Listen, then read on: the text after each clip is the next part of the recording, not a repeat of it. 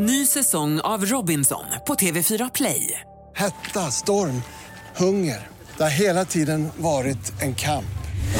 Nu är det blod och tårar. Fan händer just nu. Det. är Detta är inte okej. Robinson 2024, nu fucking kör vi! Streama söndag på TV4 Play. Åtta år sedan såg vi henne i filmen Kvarteret Skatan reser till Laholm. 2014 gav hon ut den självbiografiska boken Längtan bor i mina steg. Sedan dess har vi sett henne i bland annat Sommaren med släkten och i filmen En komikers uppväxt. Och nu är hon aktuell i den nya dramakomedin Dejta och med den egna föreställningen Allt kommer bli bra. Varmt välkommen hit Klara Zimmergren. Tack så mycket.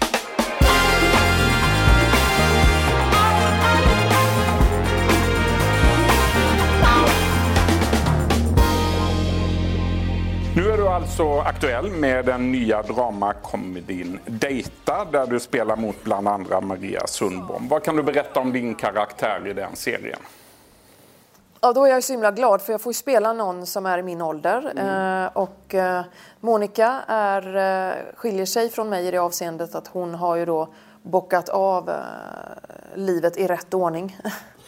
Något som jag också pratar om i min föreställning, att det liksom finns något slags manus på hur vi ska leva. Hon har barn, hon har jobb, hon har en fast relation, hon har hus. Nu är hon 50, barnen börjar dra och hon står där med en relation som väl inte är lika kul och folk springer om henne på jobbet. Hon krisar när serien börjar. Och så får vi följa henne och hennes vänskap med Ella. Och eh, jag tycker det är superintressant med 50-årsåldern. För den är faktiskt lite vilsen. Alltså, vad, är det vi, vad, vad förväntas av en 50-åring? När allt är... Hur ser förväntningarna ut på dig ju- som har passerat 50? Ja, jag då ligger ju, jag har ju alltid varit lite omogen eller hur man ska säga. Så jag har ju, ligger lite sent med allt, förutom jobb, för det har jag haft sedan jag var väldigt ung. Men mitt barn är bara 11 så jag har ju att göra fram till pensionen. Hur skulle du säga att samhället ser på den som har passerat 50 och som inte följer mallen? Då? Det är alltid hårt för de som inte följer mallen tror jag. Det är också skönt och för en del så här, men, men det, det är alltid någon som ska vara där och krafsa. Så här, har du ingen relation nu? Eller, alltså, du valde att leva så. Du var, alltså, det är ju ändå lite sådär alltså, tröttsamt alltså, att det ska se ut på ett visst sätt. Eh, förväntningarna på 50-åringen tror jag är Alltså, eh, jag vet inte, men det, det finns bara inget manus. Det verkar som någon har rivit ut sidorna. Man ska jobba, ja det ska man göra. Men sen kan man göra allt ifrån att eh, engagera sig i andra människor. Det skulle ju vara bättre om vi gjorde det. Och sen kan det vara, eller bara spela rå mycket golf eller träna som en galning. Cykla fram och tillbaks eh, städerna. Alltså det är mycket konstigt som 50-åringar gör. Ja, det är det verkligen. En del dejtar också, det är underbart. Ja. Ja. Du separerade själv för några år sedan. Ja. Hur mycket hängde du på dejtingsajter? Det har jag inte gjort eh, ännu eh, och jag behöver inte det just nu heller. Men jag, jag, jag har absolut inget eh, negativt att säga om det. Jag älskar att det finns. Jag tänkte på det nu när vi satt och pratade. Att för inte så länge sedan så var det liksom kontaktannons. Då var det så här lite skam. Har du hört att den, han har en kontaktannons? Liksom. I lokaltidningen? Ja, nu är det ju bara så här att säga hej, jag är ensam, jag vill ha någon. Att lägga ut sitt hjärta på en på Tinder eller vad det nu är. Det tycker jag är så jävla fint. Det har blivit enklare på Ja, det är inget konstigt. Alla är där liksom. Och sen vad man har för eh, syfte med att vara där är väl tydligen väldigt olika. Men det har jag ingenting att säga om. Folk får väl liksom göra vad de vill. Men jag gillar att, att det finns ett, en lekplats för människor som är ensamma. I eh, researcharbetet inför den här serien då, har du kikat in i den världen? Nej, faktiskt inte. Har du inte? Nej. Är du inte nyfiken Jo, på det är vilka jag. som gömmer sig där? Jo, jag borde göra det mer. Eh, det, ska jag vara ärlig så är mina kompisar också på mig. Men kom igen nu Klara, gå ut där nu. Och jag kanske gör det någon dag. Mm. Jag vet inte. Hur hoppas du att publiken ska reagera när de ser den här serien? Jag hoppas att de ska känna att vi hyllar en vardag som är full av dramatik. Eh, I varenda liten lägenhet så sker det saker som är ganska stora känslor. Jag tänker på det ibland när jag går och lägger mig så känner jag mig som världens sämsta morsa. Nästa, natt, eh, nästa kväll jag går och lägger mig kan jag känna mig helt yes, jag är så bra. Och det här är liksom, det är inte lätta känslor. Alltså, fungera som förälder, dra ett hushåll, tjäna tillräckligt. Alltså allt det här. Jag hoppas att publiken ska känna att, att vi tar hand om det där lilla som ändå är så stort. Livspusslet kan vara tufft ja, ibland. Ja, precis. Och sen eh, att det är inga flotta villor vi är i eller liksom, utan det här är ganska, ja nu är Monica faktiskt bor lite flott men annars är det ganska mycket legobitar och strumpor och fiskpinnar och ja, så Ja. som vi har det. En härlig serie. Du är samtidigt aktuell med den egna föreställningen Allt kommer bli bra som du turnerar runt med under våren. Premiär var det den 17 maj på Norges nationaldag förra året. Eh, och en av frågorna som du ställer i den här föreställningen är eh, Är det verkligen nödvändigt och sunt att älska sig själv? Vad har du kommit fram till? Vad är svaret? Eh, ja du.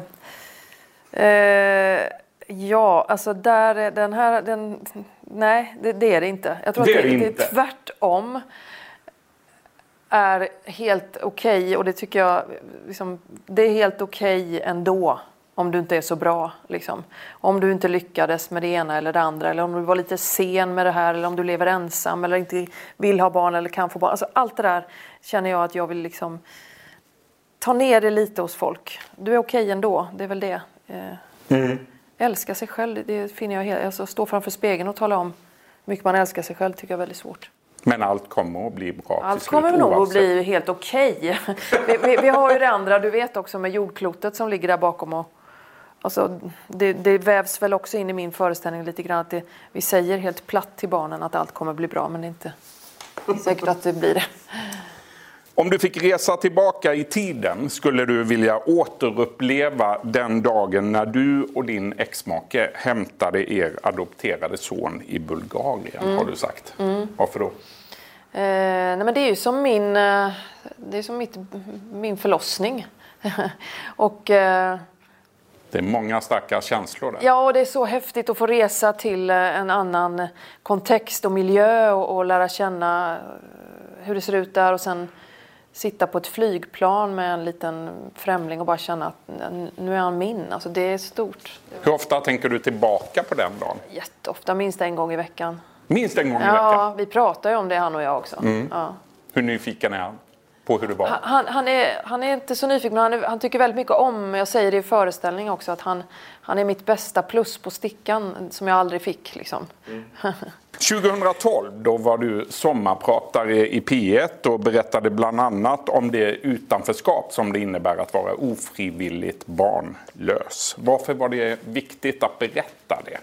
Då hade jag förstått i, i många års tid eh, via massa trådar på internet och så att det var jättemånga människor som levde i det här i skymundan och sa inte hur det var. Men som Du hade varit en av dem. Ja, eh, underjordisk eh, diskussion hela tiden. Hur kan jag göra för att få mitt plus? Och, eh, människor som var förtvivlade och sådär. Jag kände att, nu var inte jag den första som öppnade den här dörren, men jag kände att det här vill jag hjälpa till och öppna upp så att det inte blir så tabubelagt. Herregud, man kan väl inte hjälpa att man inte kan få, ett, få till en graviditet. Det verkar ju...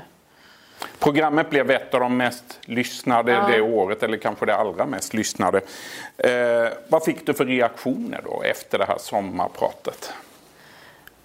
Men det var, går inte att beskriva. Det, det var så mycket mejl och det var så mycket brev och jag, igenkänning. Män och kvinnor, mest kvinnor men många män som har kommit fram till mig på gatan. Kvinnor som inte hade fått några barn och så var det lugnt och sen så kom allas prat om barnbarn och fick de gå igenom det igen. Eh, ja, Det händer fortfarande att människor kommer fram det till händer fortfarande. Men nu är det ju betydligt mer accepterat eller vad jag ska säga, att prata om det. Mm. Två år efter sommarpratet, då kom du med din första bok, Ja. Längtan bor i mina steg. Ja. Varför skrev du den? Ja, men alltså det var väl, förlaget ville ju, hade lyssnat på sommarpratet och så ville vi väl se om det gick att förlänga det kan man säga. Och jag behövde nog göra en vända till på det så det är mer djupgående hur det kan vara att leva i en relation och vad som blir viktigt i livet om man inte har ett barn. I mitt fall var det ju djur. Det fick en stor betydelse. Och det vet jag att det har för många människor som inte har barn också. Sen... eh, Var det en svår bok att skriva? Ja, men alltså det var faktiskt lite... Jag kände det när den var färdig. Så kände jag så här, ja men nu, nu, nu, nu har jag bearbetat det här. Så det, det gjorde jag nog när jag skrev utan att jag tänkte på det. Så det bearbetade jag. var en rätt viktig bok Ja, att den är skriva? viktig, ja. Och jag tycker mycket om den. Jag brukar ibland lyssna lite på den på ljudbok. För jag har läst in den som ljudbok. Så jag tycker det är kul att, att lyssna på den faktiskt. Det är inte så mycket man gillar som man har gjort själv, men det gillar jag. Är det inte? Det är svårt att se på sig själv och lyssna på sig själv kan jag tycka. Men, Har du alltid haft det? eh, ah, inte jättesvårt, herregud. Men eh, jag är stolt över den boken, det är jag. Mm. 1997 då lärde du känna Mia Skäringer. Ni gjorde humorprogrammet Bossa Nova i P3 ihop och tio år senare skapade ni tv-serien Mia och Klara. Mm. Hur skulle du beskriva er relation idag? Eh, men alltså, det är ett fundament som eh, vi står på. Alltså hela, alla, de här två projekten, Roll On som det hette, radioprogrammet och Mia och Klara eh, tänker jag betytt, betytt allt för våra karriärer. Och att hitta en person där man, alltså, där man så fullständigt, alltså det var en sån lekkamrat eller det fanns ett sånt flöde. Det, det, är, det är en ynnest att få uppleva. Kommer vi att få se er ihop igen Jag vet inte, man vet aldrig. Nej, Nej. man vet aldrig. Men det är inget projekt i närtid. Inte nu, nej. Nej. Stort tack för den här intervjun, skådespelaren Klara Simmergren. Tack så mycket. Du har lyssnat på en podcast från Expressen. Ansvarig utgivare är Klas Granström. Ny säsong av Robinson på TV4 Play. Hetta, storm, hunger. Det har hela tiden varit en kamp. Nu är det blod och tårar. liksom. Fan händer just nu. Det. är Detta är inte okej. Robinson 2024, nu fucking kör vi! Streama söndag på TV4 Play.